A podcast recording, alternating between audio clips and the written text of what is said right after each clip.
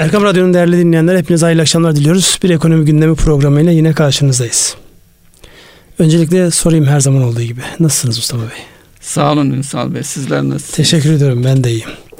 Şimdi malum artık mesai günü bitti. İki gün sonra daha doğrusu bir gün sonra seçim var. Herkesin bütün dikkatiyle kesildiği bir seçim. Önce hayırlı olsun memleketimize. Hayırlı olsun diye. Bugün Herkese. piyasalara şöyle bir baktığımda e, herkes yani ihtimale karşı böyle bir e, pozisyonlanmaya çalışıyor. Özellikle e, kurlarla alakalı işte 5.72'ye gelen kur tekrar 5.80'in üzerine doğru şöyle bir hareketlendi. Demek ki insanlar kendi açılarından bir e, pozisyonlanmaya girmişler. E, ne konuşalım diyeceğim. Konuşacak çok konu var. Ve enteresan olan da tabii son gelişmeler, dünden bugüne yaşanan gelişmelerde birçok e, veriyi, birçok açıklamayı anlamsız hale getirdi. Dolayısıyla onlara girmek ister misiniz bilemiyorum. Öncelikli olarak şu ticaret savaşı mı, kur savaşı mı? Dünya ne tarafa doğru gidiyor? İşte sabahın köründe uçaklara önce havalan sonra dur e, kararı eğer olmuş olsaydı ne olurdu? Olmamış olması neyi değiştirdi gibi bir sürü sorular var. Bir kısmından girelim. Ondan sonra yavaş yavaş ilerleyelim isterseniz. Buyurunuz. E, ticaret savaşı belki e, daha anlamlı. Çünkü tüm dünyayı ilgilendiren bir gelişme. E, önümüzdeki hafta G20 toplantısı olacak. Gözler ticaret savaşlarının zaten ticaret savaşı deyince dünyadaki en büyük ekonomi Amerika ve arkasından gelen Çin ikisinin arasındaki ticaret zaten çok büyük bir e, tutara tekabül ediyor. Nasıl bir savaşsa yani iç içe birbirine girmiş vaziyette. Evet yani biri üretiyor birini satıyor yani biri birinin tedarikçisi ve müşterisi konumunda ve karşılıklı tarımı da dikkate alırsanız böyle bir girift bir ilişkisi var. Aynı zamanda Çin'in işte finansör olduğu da düşünülebilir. Çünkü Amerikan tahvillerine çok büyük rakamlarda Bütün dış ticaret fazlasını oraya borç olarak veriyor. Evet dolayısıyla öyle kompleks bir yapı içerisinde e, bir e, durum var. E, tabii bu Çin Amerika arasındaki bu savaş e, biraz da e, ülkelerin özellikle Amerika'nın iç siyasetine dayalı bir savaş olarak da bakılabilir. Neticede 600 milyarlık bir e, hacimde işte yüzde 25 vergi konulması e, söz konusu anlaşma olmazsa ama bu aynı zamanda e, bu vergi Amerika'yı da tehdit eden bir şey. E, anlaşacaklar ümidi taşıyor e, genelde insanlar ama anlaşma olur olmaz. Tabi e, Trump açısından bakıldığında da neticede bir iş adamı e, hüviyetiyle gelmiş bir başkan.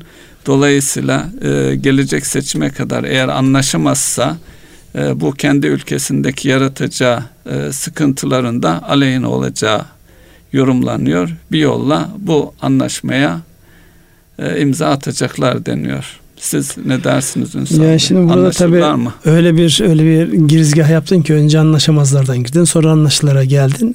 Ya orada diyecek şu kaç aydır devam ediyoruz biz burada? Vallahi.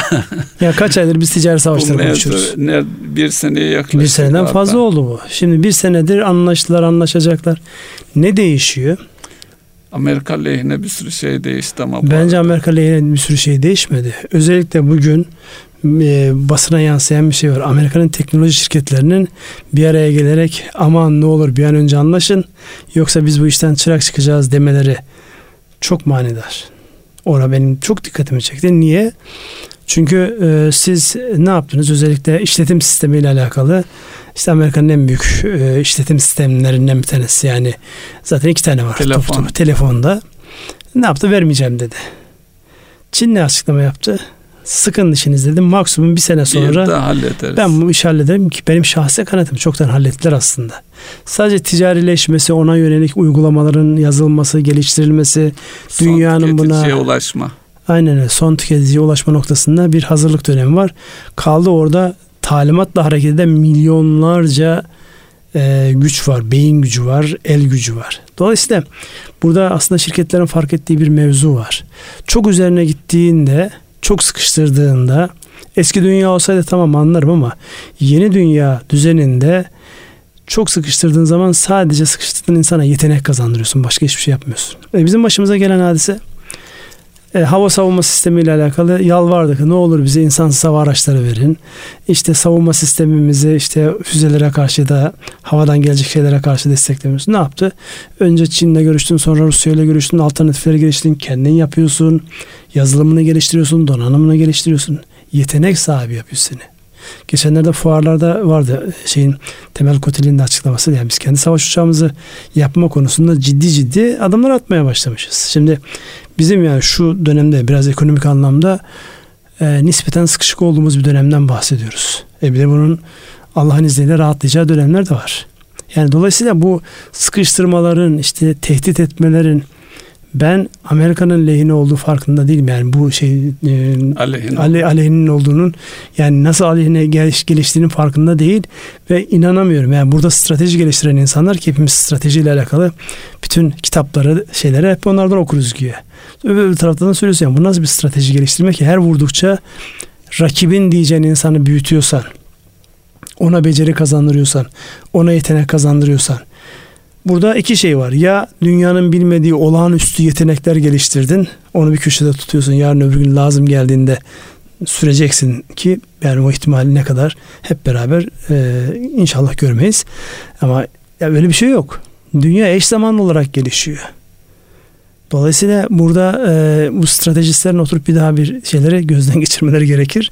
Yoksa bu satranç oyununda ben Amerika'nın çok böyle kazançlı çıkacağı na inancım her geçen gün özellikle atılan bu adımlarda inancım zayıflıyor.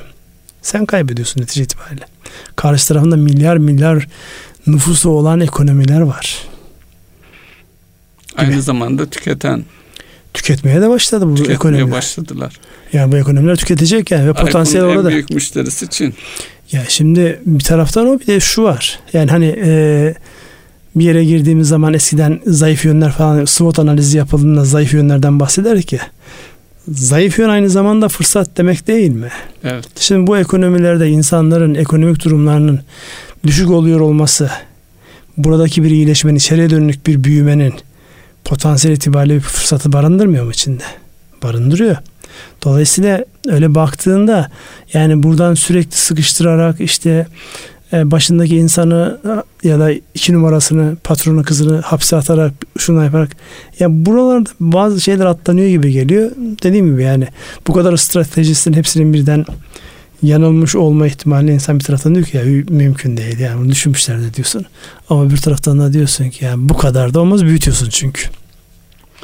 Ee, evet, e, enteresan bir e, devirdeyiz. Belki işin bir psikolojisi vardır işte birilerini taciz ederek, tutuklayarak özellikle bu Huawei'nin e, marka olarak geldiği nokta itibariyle bakıldığında ama bir taraftan da ciddi teknolojik gelişmeler ya burada sağlanmış. geriletebilir misin? Ya ben geriletilebileceğini düşünmüyorum çünkü daha önceden özellikle bu telekomünikasyon altyapı Biliyorsun Amerikalı firmalar, İskandinav ülkelerinde firmaların elindeydi. Ama son dönemde biz Türkiye örneğini görüyoruz. Sadece Türkiye'de değil dünyanın her tarafında altyapı hizmetini artık Çin veriyor.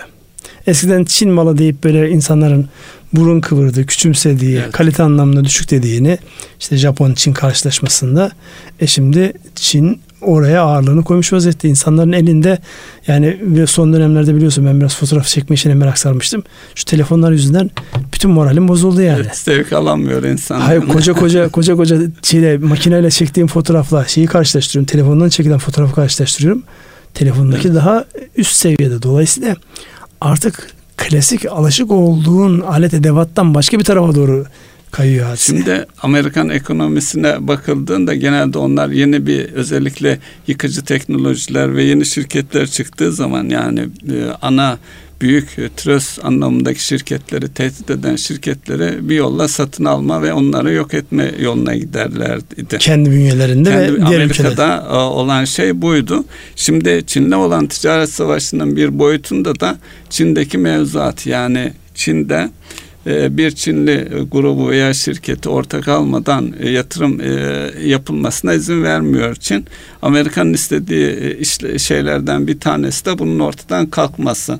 Belki Çin'deki firmaları da gözlerine kestirmiş olabilirler mi değiştiği zaman önemli değil biz bunları satın alırız diye düşünüyor olabilirler mi? Daha ya. önce Kore'de yaşanan şeyleri de düşünürsek Ünsal Bey. Şimdi tabii Kore hadisi yani 97'den evet. bugüne geldiğimizde geçen 22 senede çok şey değişti. Yani ne değişti? E, hepsinin önemlisi. E, o dönemde böyle liberalleşme, açık olma, işte global köyler, her şeyin dünyanın küçük bir köy haline dönüştüğü dönemden şu an herkesin her yerde bir milliyetçi söyleme doğru. Yani yerli olma, milli olma bu sadece bize has bir şey değil. Şu an dünyanın neredeyse her tarafında bu giderek yükselen bir değer.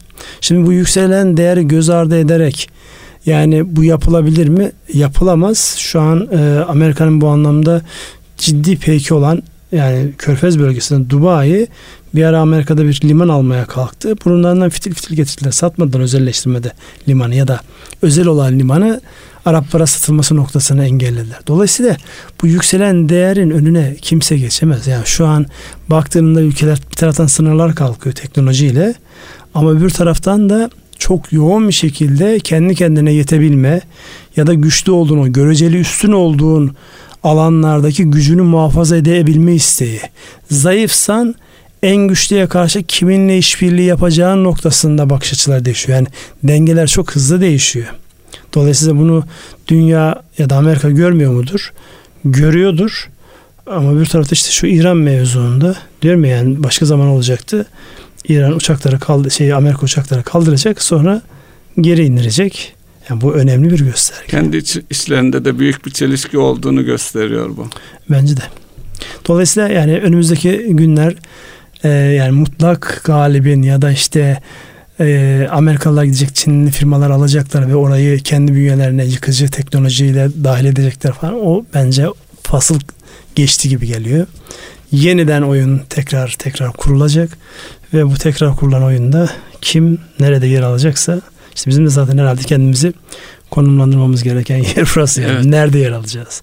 Tamam yani Doğu blokuna Rusya, Çin, Amerika Batı blokundan bizim açımızdan çok mu farklı? Değil yani buna açıdan baktığında.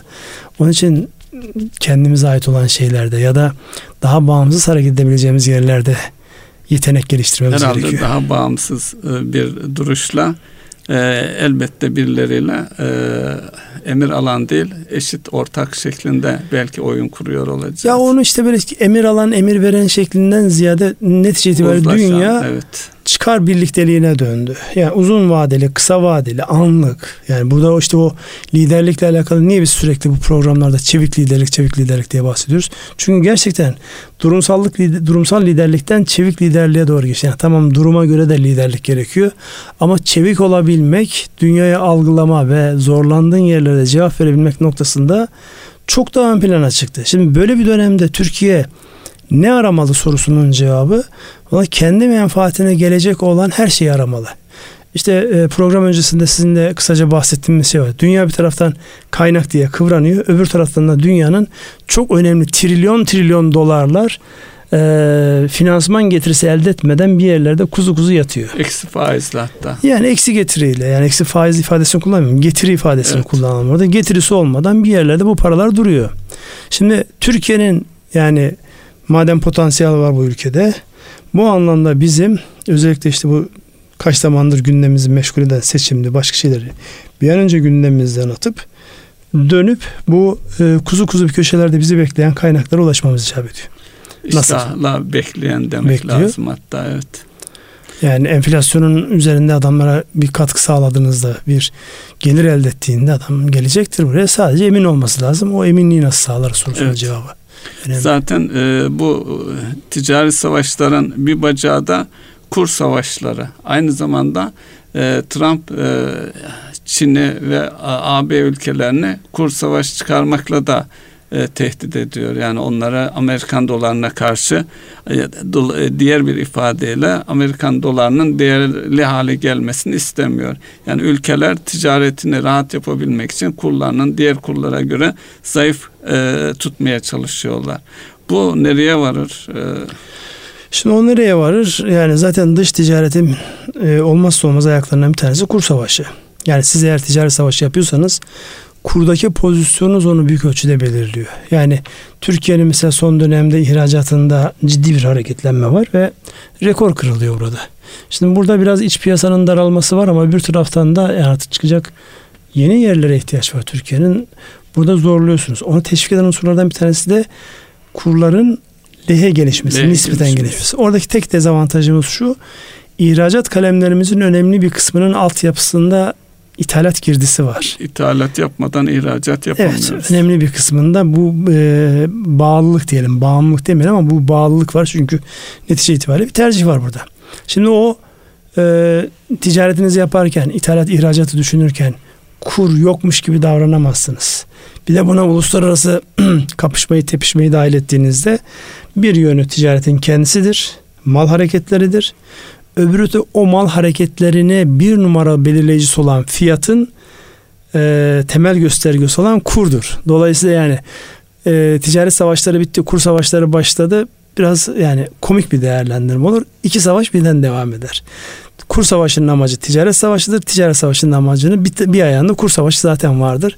Onun için yani birbirinden ayrıymış gibi düşünmek doğru değil. Burada Amerika tabii kendi parasını lüzumsuz yere değerli hale getirip kendisini mal satamaz hale getirmek istemez. Ama öbür taraftan da yani e, ucuz bir piyasa haline gelip başkalarının gelip kendisine mal satma noktasında da bir anlamda tedbirli olacaktır. Onların hep yansımasını görüyoruz. Bugünlerde zaten e, euro dolar ilişkisine baktığımızda ana iki büyük paraya baktığımızda euroda ciddi bir hareketlenme var, güçlenme var. O da e, Amerikan isteğiyle diğerlerin isteğinin sanki örtüştüğü gibi bir anlam çıkıyor. Ünsal Bey burada e, şeye e, bakabilir miyiz? Şimdi FED toplantısı vardı. Bu şöyle bir önemi var. Faiz indiriminin e, tüm dünyada ve bize de olan para bolluğu etkisi. Yani onun etkisi var. Yani Amerika bir kere özellikle bu Trump'ın e, FED'e müdahaleleriyle yani faiz arttırımı noktasında Amerikan parasını daha değerli hale getirme noktasındaki şeyden vazgeçildi. O çok net artık yani. Onu hepimiz biliyoruz. Burada Amerikan parasının bir değer olarak saklama aracı olmaktan e, nispeten özellikle son dönemdeki ben altın fiyatları dikkatimi çekecek şekilde bir hareketlenme oldu. Yani e, altının onsu 1400 doların üzerine çıkmıştı. Gerçi bugün biraz daha aşağı inmiş vaziyette. E, bu bir rekor ama yıllardır. Yıllarda sonra rekor. Bu farklı bir şey gösteriyor. İnsanlar artık saklama aracı olarak şeyi gör, görmüyor. Güvenli liman olarak. Yani doları görmüyor, dolar bazlı kağıtları görmüyor. Altına gidiyor. Şimdi bu önemli bir gösterge.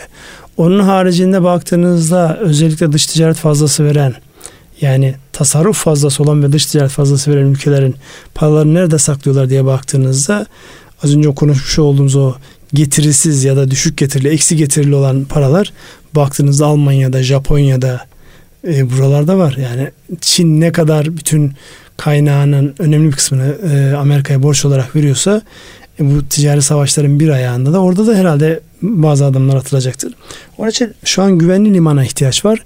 Güvenli limanların bir numarası da zaten altın fiyatlarına baktığın zaman o belirsizlik, o oynaklığın yansımasını burada görmek mümkün. Bir de petrol fiyatlarını da görmek mümkün. Petrol fiyatlarının yorumunu da ben size pas etmiş olayım. E, petrol fiyatları yine e, dönüp körfeze bakmamız lazım. E, körfezdeki e, bu son e, insansız hava aracının düşürülmesi boyutunu falan da bilmiyoruz ama Amerika'nın açıkladığı üzerinde silah olmayan bir şey.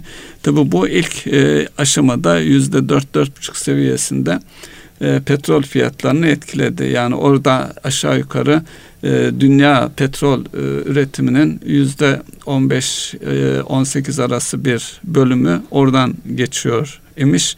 Dolayısıyla oradaki bir çatışma olduğunda e, oradaki petrol e, sevkiyatının o bölgeden olan pe- petrol sevkiyatının azalması doğrudan petrol fiyatlarına artış olarak yansıyacağı öngörülüyor. Tabi bu bir çatışma tehdidi e, ilk aşamada böyle bir etki oluşturacak.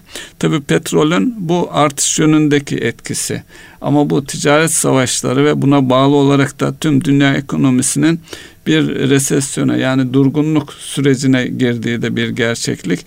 Dolayısıyla tüketimi e, azalt tüketimin azalacağı varsayımıyla da petrol fiyatlarının aşırı yükselmesini e, e, engelleyen bir husus. Yine dünyada en fazla e, petrol ürünlerine ihtiyaç duyan Çin olduğu için o da belirleyici bir konumda. Yani bu iki denge arasında eğer bir çatışma şey olmasa petrolün daha da aşağı seviyelere gelebileceği öngörülüyor veya tahmin ediliyor. Böyle bir gelişmede biz e, özellikle ülkemiz açısından yani gündemimizde yoğun yer işgal eden cari açık sorunumuzda olumlu yönde etkileyecek bir gelişme olur. Petrol fiyatlarının daha da aşağı gelmesi. Şimdi petrol fiyatlarının aşağı gelmesi e, o sanki bir, anlamda e, olacak senaryolardan bir tanesi. Belki bu ısınmalar, işte tankerlerin vurulması falan. Şu an mesela siz bunu söylerken şöyle bir yıllık grafiğe baktım. Yani petrol fiyatlarının geçen sene Ekim ayında 83 e, dolarlardan e, Ocak ayında 51 dolara kadar gerilemiş. Ki o zaman 100 doları geçer deniyor. Yani, yani. şimdi Ekim'den Ocağa 80 dolarlardan 50 dolarlara oradan yavaş yavaş işte 71-72 dolara kadar gelmişti. Hatta şu an tam grafikte nokta olarak baktığımda 73 dolara gelmiş. 73 dolardan tekrar 60'lı dolarlara geliyor burada hareketleri. Şimdi o söylemiş olduğunuz yani hareketlenme de yani 10-15 dolar bandında bir yukarı doğru bir hareketlenme olsa bu hala geçen sene Ekim rakamlarına ulaşmıyor anlamı gelir. Dolayısıyla zaten bu oynaklık var.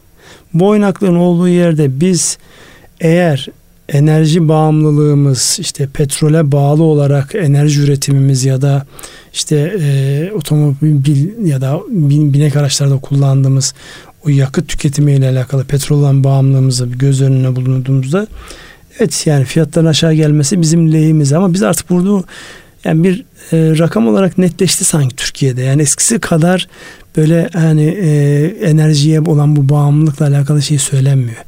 Biz katma değerli ürünlerle bu almak zorunda olduğumuz genç bir nüfus var.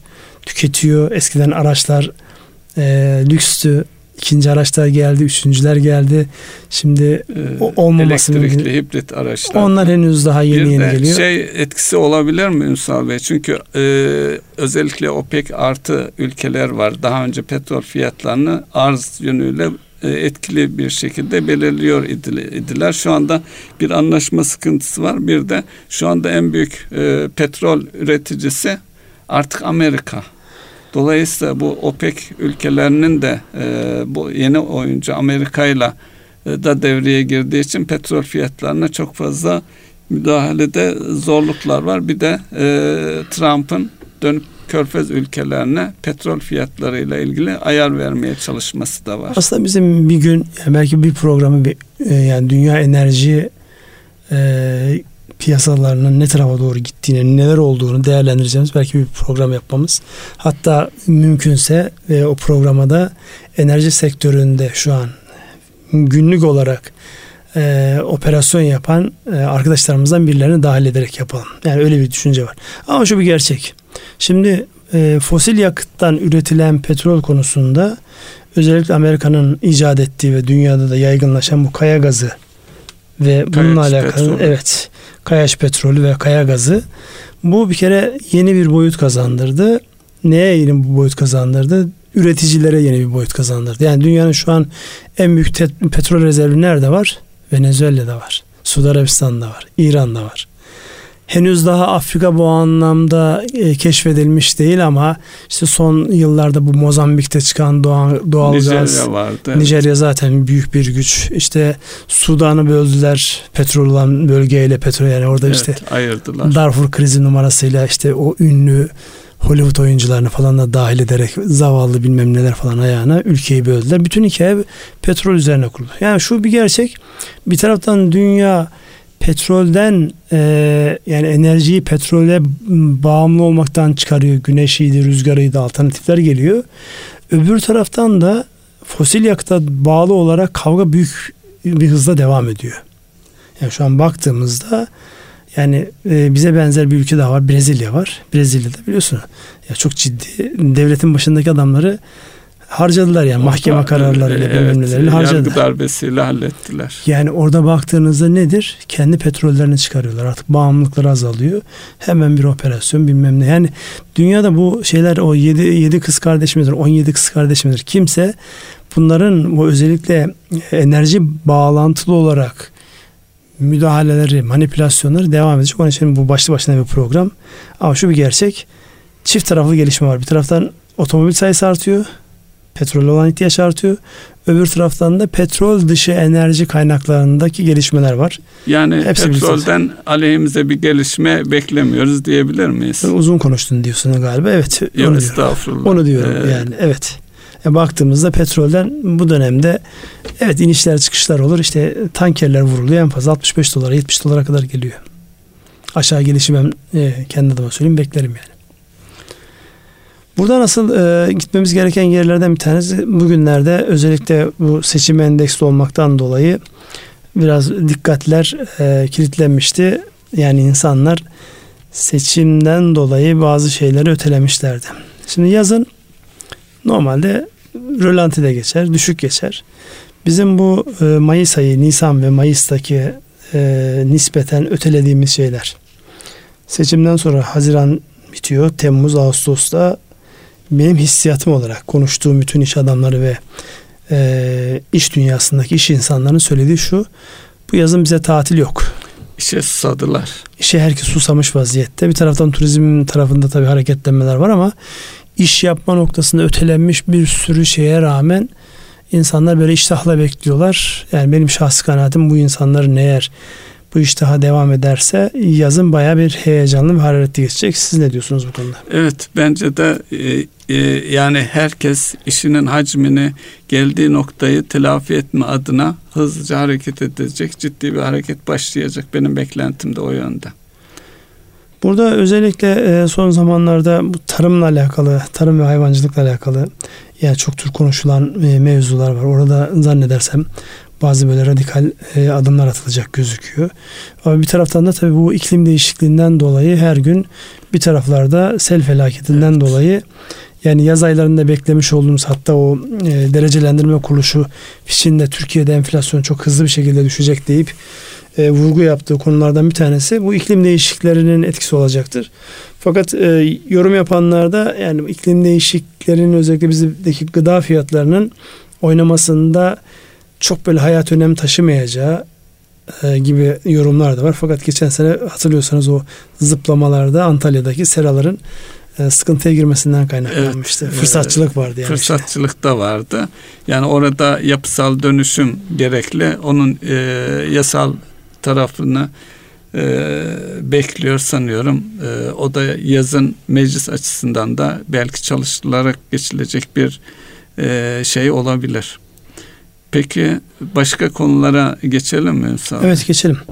Güven endeksinden bahsetmek ister misin? Evet, güven endeksi e, bu ay yani Haziran ayında e, 57,6 TÜİK'in e, takip ettiği endeks. Bir önceki ay 55,3 ama bu e, güven endeksinin yukarıya doğru döndüğünü söyleyebiliriz. Tabii e, 100 seviyelerine kadar gelmesi lazım ki orada ciddi bir tüketici güven e, endeksinde iyileşme olduğunu e, ifade edebilelim. Bununla beraber diğer endekslere değinerek geçelim mi Ünsal Bey? Yani Sanayi onlara değinebiliriz. Özellikle vardı, tüketici tarafında şöyle bir şey var. istihdam Yani vardı evet. e, Haziran ayının sonu geldikçe bazı e, vergilerin Haziran sonuna kadar uzatılma hadisesi vardı ya da KDV'lerle alakalı işte özel tüketim vergisiyle alakalı. Bununla alakalı tekrar bir gündem maddesi oluşuyor anladığım kadarıyla. Öyle tahmin ediyorum ki işte beyaz eşya, mobilya ve diğer ürünlerde tüketicilerin bu beklentilerini karşılayacak şekilde belli kararlar alınacak ama öbür taraftan da bütçe açığı mevzu Mali disiplin mali disiplin ve bütçe açığı ile alakalı rakamsal genişleme var. Onun birlikte değerlendirileceği bir başlık var. Yine bu hafta içerisinde en fazla yaşadığımız çoktan beri duymuyorduk. e, Cumhurbaşkanımızın e, bu faizler e, fazla değil mi arkadaşlar yani yabancı basın yabancı basın mensuplarıyla dolayısıyla önümüzdeki günlerde faizlerin aşağı çekilmesiyle alakalı enflasyona bağlı olarak ve belki de biraz da kaynağın gidişine bağlı olarak faizlerin aşağı çekilme mevzu bizim gündem maddelerimizden bir tanesi olacak. Ama şekilde e, zamanlamaya uygun olduğunu da vurguladı Cumhurbaşkanımız. Evet yani o, o vurgu var. Yani daha önceki söylemlerinden farklı olarak. E, burada e, yani önümüzdeki günlerin enflasyon artı faizle alakalı bir düşüş. Kurlarla alakalı mevzuya çok fazla bir şey söylemiyoruz. Çünkü geçen sene Ağustos'taki bu ataktan sonra yani orada e, başlayan 7.25'lerden başlayıp aşağı gelen 5-10'lara gelen düzeltme hareketi sonra tekrar 6'ların üzerine çıktı. Sonra tekrar 5.50'lere kadar geldi derken böyle bir sürekli bir düzeltme var burada. Onun için e, zaman zaman arkadaşlar soruyor yani bunun tabii ki bir yatırımcı önerisi anlamında değil kurla alakalı kurla alakalı hala daha düzeltme hareketi devam ediyor. Yani burası tam böyle oturmuş değil. E, teknik anlamda baktığımızda yani yukarı trend mi aşağı trend mi? Yani istikrara kavuşmuş değil diyorsunuz. Değil yani burada bir e, oynaklık devam edecek. Onun için yani burada bizim söyleyebileceğimiz tek bir şey ani hareketlerde oynaklıklarda yani hemen heyecana kapılıp almak ya da satmak yönünde bir tavır sergilemek doğru olmayabilir. Evet. Bilir yani o ihtiyacınız e, varsa e, ona göre ihtiyacınıza göre hareket edin demek veya evet. gelecekteki ihtiyaca göre hareket etmek de söz konusu olabilir. Evet diğer endeksler dediniz. Diğer endekslerden. Diğer endeks sanayi endeksi yine e, şey geldi. istendiği gibi değil aşağıdaydı. E, istihdamla ilgili e, 14,1 seviyesinde ana hatlarıyla ilgili dikkat çekici e, dikkat edilmesi gereken oranlardan genç işsizlik oranı 25.2. E, tabii bu e, istihdam sanayi üretimi e, neticede büyümeyle bağlantılı olan e, şeyler tabii e, Türkiye'deki finansman maliyetlerinin düşüyor olması büyüme için asıl gerekli olan husus finansman ve yatırım ihtiyacı anlamında. Düşüyor olması mı? Düşme ihtimali ihtiyaç mı? ihtiyaç evet ihtiyaç, düşmesine evet. ihtiyaç var. Dolayısıyla buralarda özellikle istihdamda işsizliğin azaltılmasında ki gelişmeler biraz da ona bağlı. Tabii yaz döneminde istihdam biraz daha artar doğal olarak turizmin ve hizmet sektörünün ve tarımdaki gelişmelerin etkisiyle. Ee, evet burada yine e, kurlardan bahsettiniz e, döviz tevdiat hesapları yani e, toplumun dövize olan ilgisine e, baktığımız zaman e, geçtiğimiz hafta 600 milyon dolar civarında bir azalma oldu. Daha önceki haftalar peş peşe yükselerek gitmişti. 185.8 e, milyar dolar seviyesinden 185.2 milyar dolar seviyesine bir gerileme oldu. E, döviz tevdiat hesapları bağlamında. Onun dışında e, yine yabancıların geçen hafta e, küçük de olsa 50-100 milyon dolar seviyelerinde hem borsaya hem de hazine kağıtlarına yönelik yatırımları söz konusu oldu. Ee, yine e, burada bence pozisyonlamalar noktasında yani bu hafta herkes e, bekleyerek geçecek. Yani bugün zaten olan oldu. İnsanlar bu hafta içerisinde ne olacaksa ne yapacaklarsa nasıl yapacaklarsa onları yaptılar. Şimdi hafta sonunu bekleyip önümüzdeki haftadan itibaren yani e, çıkacak sonuçlara bağlı olarak yeniden bir pozisyonlanmaya girecektir. O bir realite. Ama bizim özellikle iş dünyasıyla alakalı yani hem e, iş dünyasında iş yapan insanlar hem de orada çalışan insanlar açısından baktığımızda e, bu az önce konuştuğumuz o işte artık tavan yapmış durumda. Herkeste bir böyle bir sabırsızlık, bir e, heyecan var. İşte o heyecanın artık ete kemiğe bürünüp işe dönüşmesi beklentisi. Bununla alakalı belki e, programın son 5-6 dakikasında yine biz stratejilere girmemiz uygun düşer. Çünkü içeride ve dışarıda özellikle bazı şeylerin daha verimli etkin hale getirilebilmesi neler yapılabilir konusunda 5-6 dakika ayırırsak iyi olur diye düşünüyorum. Peki o zaman e, şeye girelim mi? Geçen haftanın ve bu haftanın da popüler bir konusu var. E, kripto paralar konuşuluyordu. Şimdi Facebook'un bir açıklaması oldu kendi kripto parasını çıkarma üzerine. Vallahi oldum olası bu kripto işini sevmediğim için. Ama bu farklı bir boyut. Bir de şey yapalım. Yani milli yani, paraları da tehdit edecek yani bir piyasaya boyut. çıkmadan e, tedavüle girecek bir paradan bahsediliyor. Nasıl olacak? Biraz siz bahsedin. O ilgi alanınız sizin olduğu için Şimdi, size bırakıyorum. E, Facebook yalnız değil 27 e, kuruluşla birlikte eBay'inden işte büyük e, şeyler e, sosyal medya ve sanal ticaret ağırlıklı olmak üzere ki işin içerisine e, sanal ticarette girince sosyal medya ile birlikte tüm e, dünyayı etkileyecek bir gelişme çünkü büyük ses getirdi. E, Fransızlar açıklama yaptılar böyle bir şeye karşı olduklarından ötürü şeyde e, kart sistemleri Visa ve Mastercard da işin içerisinde. Sonunda iş öyle bir noktaya geldi ki e, Facebook tekrar bir açıklama yaptı. Daha biz bunları konuşuyoruz ama e, ortada bir şey yok diye. Halbuki ilk açıklamalarında 2020'de yani gelecek yıl tedavüle sunacaklarını söylemişken sanki daha yeni e, düşünüyorlar, üzerinde çalışıyorlar. Daha bir anlaşma taslağı bile ortaya çıkmadı gibi bir şey söylediler. Bu da e, basına yansıyan ve yansımayan büyük bir tepki e, olduğunu düşündüren açıklamaydı. Ya şimdi orada tabii hangi kafayla hareket ediyorlar ben onu çok anlamış değilim. Yani ben tamam şu an sosyal medya anlamında bütün dünyada en yoğun kullanılan Gerçi biraz modası geçti ama modası olanlar da var. Var evet. Hep birlikte hareket ettiklerinde tamam bir güç ortaya çıkıyor. Ama buna benim e, şaşırdığım ve komik gelen hadise şu. İnsanlar tepki verdiğinde, merkez bankaları tepki verdiğinde, biz bu kadar sert tepkiler beklemiyorduk demeleri komik geliyor bana. Ne ne bekliyordun yani? Şimdi devlet olmanın birinci şartı o eski e, şeylerde vardı hep derslerde de anlatırız ya. Sikke bastırmaktır. Ve şey fetva hutbe, adına hutbe, hutbe okutuldu ve sikke bastırıldı. Evet. Yani bizim tarihimizde şey odur işte e, falanca filanca yeri fethetti ve cuma hutbesini kendi adına okuttu. Artı kendi adına sikke bastırdı. Nedir buradaki o sikke bastırma şeyi? Para bir güç. Devlet olmanın bir gücü. Yani baktığınızda parayı kim icat etti bilmiyorum ama yani biliyorum da bilmiyorum. Şimdi o icattan sonraki paranın basılması bir güçken şimdi bir e, teknoloji şirketi, bir sanal şirketin ben para basacağım dediğinde Aa ne güzel artık bas piyasaya sen yay biz onu kullanalım mı demesini bekliyordu. Bu kadar yani yani insanların biraz böyle şeylerle sinirleriyle oynuyorlar. Onun için biz bu kadar sert tepki beklemiyorduk. Belki bizim çıkaracağımız adı da bizim liraya benziyor. Libra. Libra. Evet. Bunu e, sürmeyi bile düşünmüyoruz. Bizim sadece düşünce boyutunda. Halbuki ilk açıklamalar aynen dediğiniz evet. gibi. Yani biz hazırız 2020'de artık bütün dünya bizim parayı kullanacaktı. Şimdi bu bence test edilen bir hadise. Bugünlerde eğer Rusya'dan ya da Çin'den ya da Hindistan'dan biz de kendi bilmem neyimizi e, kripto paramızı devreye aldık diye açıklama gelirse hiç şaşırmam. Çünkü artık burası da algı yönetimiyle alakalı. Alanı.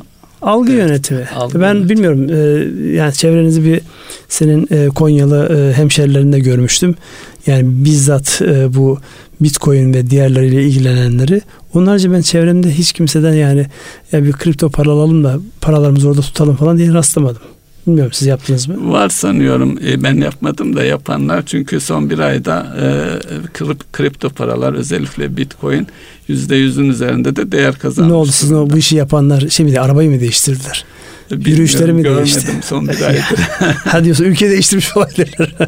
o kadar diyorsun iyi para kazandı. Ben zannetmiyorum bu konu yani diyorum ya insanlar zihnen şey yapıyorlar ama henüz daha bu para konusu yani gerçek anlamda bu devletin de otoritenin de gücünü yansıtan bu para konusu böyle sanal aleme taşınacak kadar henüz daha insanların zihinleri e, kabullenmiş değil. Onun için evet burada e, herkes deneyecektir. Facebook'ta deneyecek bunu. Denemiş de zaten. Evet. Ama gelen tepkilerden sonra hemen böyle bir yan çizme e, şeyini de gördük yani. O da enteresan bir durum. Evet bu konuyla alakalı başka bir konuşmak ister misiniz? Yani e, en e, su götürür konu buydu yani. en su götürür konu buydu diyorsun. İyi tamam su götürür konulardan su götürmez konulara doğru e, geçelim. Evet e, şimdi strateji e, konuştuk geçen hafta. İnsanlar şir, özellikle şirketler e, ne yapmalı? Şimdi şirketlerin öncelikli olarak benim gördüğüm şöyle bir şey var Tamam biz e, yani işletmeler anlamında böyle 200 yıllık 300 yıllık işletmelerimiz yok. Ticaretle uğraşan insanlara da bakıyorsunuz kendi hikayelerini anlattıklarında yani yaptıkları en iyi şeyin işlerinin sahibi olmak, dört elle sarılmak ve o işi e, işin başında durarak büyütmek hadisesi. Onunla gelmiş. Yani işe bizzat refakat ederek, yöneterek gelmişler. Fakat ulaştıkları boyutlara baktığımızda her işletme için değil ama belli bir yüklüğün üzerindeki işletmeler için yani gelecekle alakalı bir plan, bir program, bir tahminler bütünü, bir senaryolar silsilesi görmüyorsunuz insanlarda. Yani günübirlik yaşayan bir e, işletmecilik anlayışımız var. İş tutma biçimimiz var. Şimdi buradan daha uzun soluklu bakabilen, daha uzun soluklu e, planlar yapabilen bir noktaya geçme. Tabii bunu söylediğinizde de insanlardan gelen tepki şu. Hiçbir şeyi ben belirlemiyorum ki ben nasıl plan yapayım. İşte zaten olayın püf noktası da bu. Hiçbir şeyi sen belirlemezken tamamen dışarıya endeksliyken yani daha önceki o etki alanı, ilgi alanı şeyinden girdiğimizde etki alanında olmayan, ilgi alanında olan konulara göre eğer pozisyonlanacaksan o zaten senin yapacağın hiçbir şey yok. Bırak kendini suya, su seni nereye götürürse. Ama etkileyebileceğin şeyler varsa oraları planla. Yani nedir oralarda planlanacak olan hadise? İşte bunu isterseniz çevre analizleriyle yapabilirsiniz. Rakipleriniz ne yapıyor? benzer işleri yapanlar ne yapıyor? Dünya ne tarafa doğru gidiyor? Ünsal Bey o şeye geçmeden önce şu olabilir mi? Ee, Birçok kobimiz, şirketimiz daha önce böyle bir çalışmayı yapmamış olmasından kaynaklanıyor olabilir mi?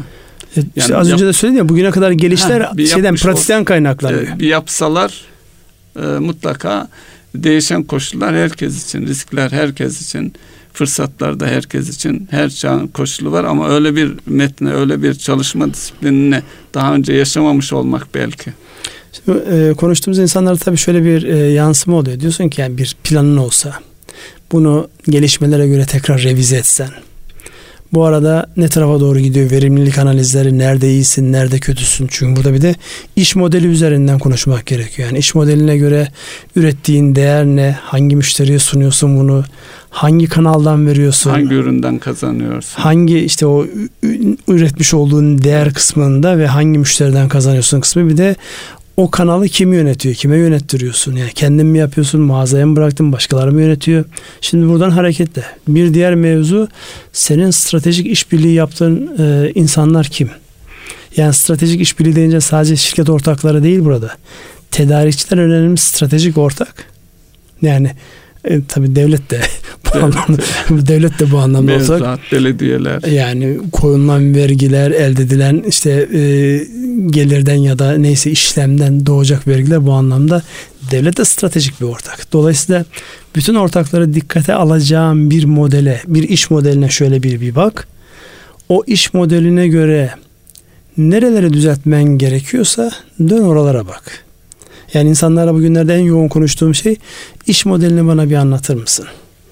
Şimdi e, bizim tabii şeyden işin yani sırrı açığa verme noktasında bazı böyle şeyler oluyor. Böyle ketumiyet oluyor. Yani bir şey ben diyorum senin işini kopyalayacak falan şeyde değilim. Sadece anlamaya çalışıyorum. Yani ben senin iş modelinin gerçekten dayandığın, güvendiğin yer neresi? Güçlü yerin neresi? Nerelerin takviye ihtiyacı var? Yani bir hani e, az önce de geçtiği için bir SWOT analizi yaptığında senin için güçlü yön neresi, zayıf yön neresi? Fırsatlar nerede var senin için? Tehdit nerede var senin için dediğimiz. Ya da en çok konuştuğumuz konu bu çevrenin etkisi. Çevrede ne etki var? Politik etki var. Ekonomik etki var. Sosyal etki var. Teknoloji var. Bir de işte eğer yaptığınız iş böyle karbon salınımı ve diğer şeylerle çevre etkisi çevre. var. Şimdi bu analizleri yapsan ne kaybedersin? Rakiplerini izlesen ne kaybedersin?